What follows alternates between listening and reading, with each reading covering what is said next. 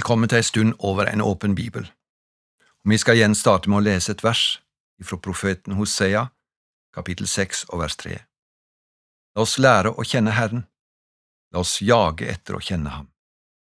Sikkert som soloppgangen kommer Han, Han kommer til oss lik regnet, lik vårregnet som hveter jorden. Profetene var ikke alltid godt likt, eller for å si det slik det oftest skjedde, de ble tatt av dage og drept. Når Jesus kom til Jerusalem, så sier Jesus i Matteus evangeliet kapittel 23 og vers 37, Jerusalem, Jerusalem, du som slår profetene i hjel og steiner dem som blir sendt til deg. Hvor ofte vil jeg ikke samle dine barn, som en høne samler kyllingene under sine vinger, men dere ville ikke. Vi synes det er helt uforståelig men det er samtidig ganske gjenkjennbart hvordan et menneske reagerer på sannheten. For når mennesket kommer til oss og sier noe direkte til oss, at jeg har en feil oppfatning, at jeg er på feil spor, da vil vi umiddelbart reagere, og slik gjorde det ofte når profeten kom med sannhetens ord til Jerusalem. Og det er sånn i mange regimer at det er forbudt å utøve trua på den treenige Gud og tilbe Han og stå for Hans ord. Men når du lærer å kjenne Gud, så vil du uansett motstand si det slik profetene sa. Det er én Gud, og det er ingen annen enn Han. Den eneste sanne Gud fra evig til evighet, det er Jeg er det er Jeg er den jeg er, Gud. Undersøkelser i Norge viser at andelen som tror på Gud, i betydningen av at han finnes, er gått tilbake. Ifølge Statistisk sentralbyrå så sier ca. halvparten over 16 år ut at de er uten medlemskap i en menighet eller en religiøs forening. Nå er det jo sånn at det kan være flere som tror som ikke er medlem i noen sammenheng, men det er gått ganske dramatisk tilbake. Vi kaller det ofte for sekularisering. Men hvorfor er det blitt sånn at det er færre som tror at Gud finnes? Er det vi som tror, som vitner lite med liv og ord om at Gud finnes? Når vi leser i Bibelen, så er det to måter å få erfaring av at Gud finnes. Den ene er naturlig. Vi kaller det for den naturlige Guds åpenbaring for alle mennesker ser og må erkjenne det skapte. Du kan ikke si det er bare en fiksjon, en idé.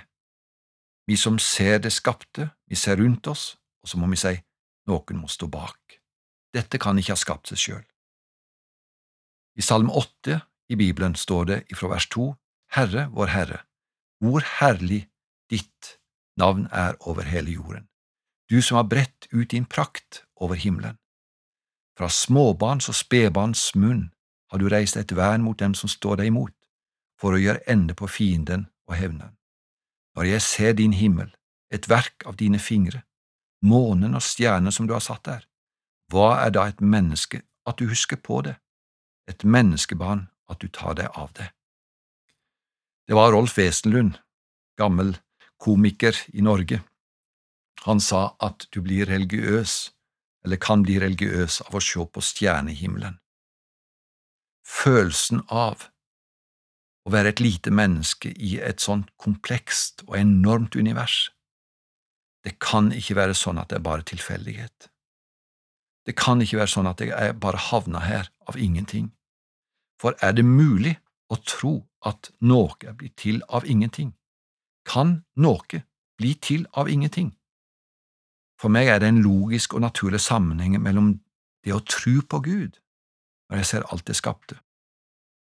I møte med filosofer og religiøse mennesker i Aten i Hellas, så starter Paulus, misjonæren, evangelisten, med å tale til deg, og så sier han på Areopagos, i apostelgjerningen kapittel 17 og vers 22. Da sto Paulus framfor Areopagos-rådet og sa, Atenske menn, jeg ser at dere på alle måter er svært religiøse. For da jeg gikk omkring og så på helligdommen deres, fant jeg et alter med denne innskriften For en ukjent Gud. Det som dere tilber uten å kjenne, det forkynner jeg dere. Gud, Han som skapte verden og alt som er i den, Han som er herre over himmel og jord. Han bor ikke i tempelet reist av menneskehender. Han trenger heller ikke noe av det som menneskehender kan tjene ham med. Det er jo Han som gir liv og ånde, ja, alt til alle. De mennesker som Paulus talte til, for dem var det ikke naturlig å tenke en verden uten Gud eller guder. Det var faktisk sånn til flere guder, desto bedre. Det er da Paulus sier at dere trenger å høre om Jesus. Og den naturlige Guds åpenbaring, at du ser det skapte, er én ting, men det er det viktigste at du ser hvem Jesus er. Og på en måte så hører han også til den naturlige åpenbaring, for han ble født som et menneske, vi kaller det for inkarnasjon, Gud blir menneske. Han ble sett av de som trodde på han, og han ble sett av de som ikke trodde på han. Men det var ikke mange som han ble åpenbart for, og her er det nøkkelordet. Det er åpenbaring. Det handler om en åndelig åpenbaring som skjer når Guds ånd åpenbarer seg for et menneske. Virker det litt rart, eller kanskje du vil si litt eksklusivt? Når Han, den eneste sanne Gud i himmel og på jord, har skapt alt, kan han ikke da vise seg skikkelig for alle mennesker? Det kan være vanskelig å forklare, men det handler om den relasjonen han vil ha til oss. Det skal være en relasjon som bygges på tru og på tillit. Og jeg tror i ei tid som er sekularisert, så betyr det ikke at Gud er mindre aktuell eller utdatert.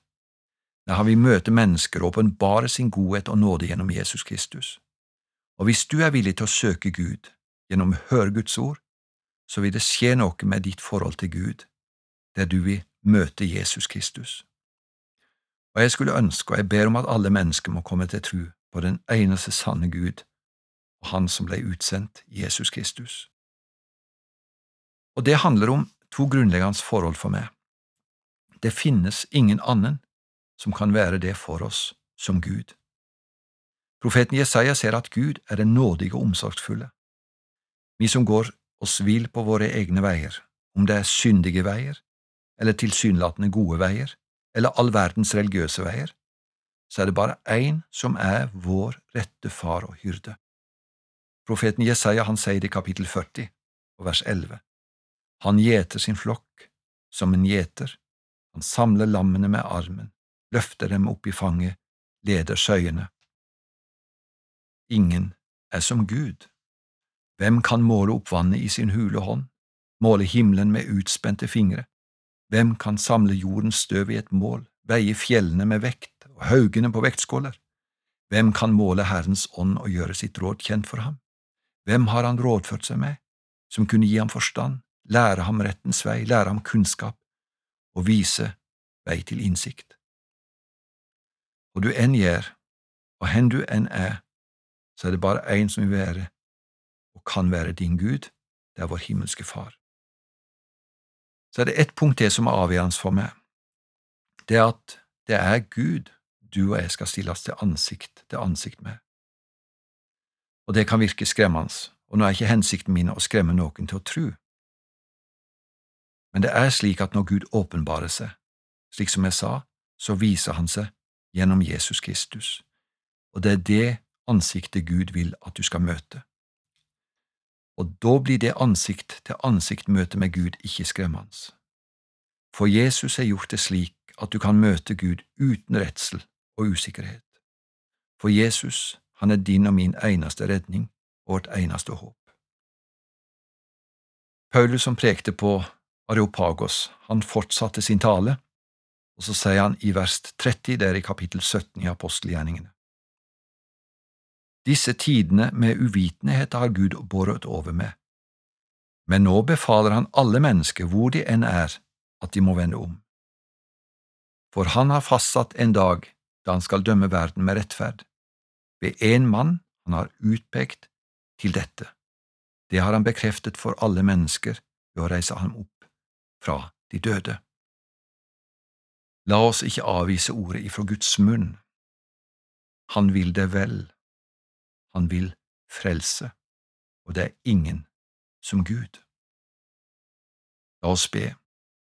Himmelske Far i Jesu navn.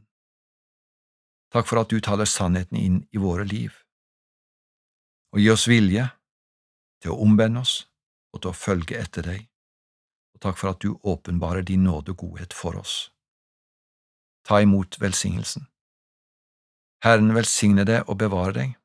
Herren lar sitt ansikt lyse over deg og være deg nådig. Herren løfte sitt ansikt mot deg og gi deg sin fred. Amen.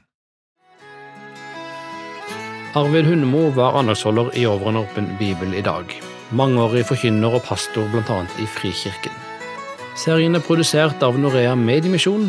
Du kan lytte til vårt arkiv av andakter på norea.no.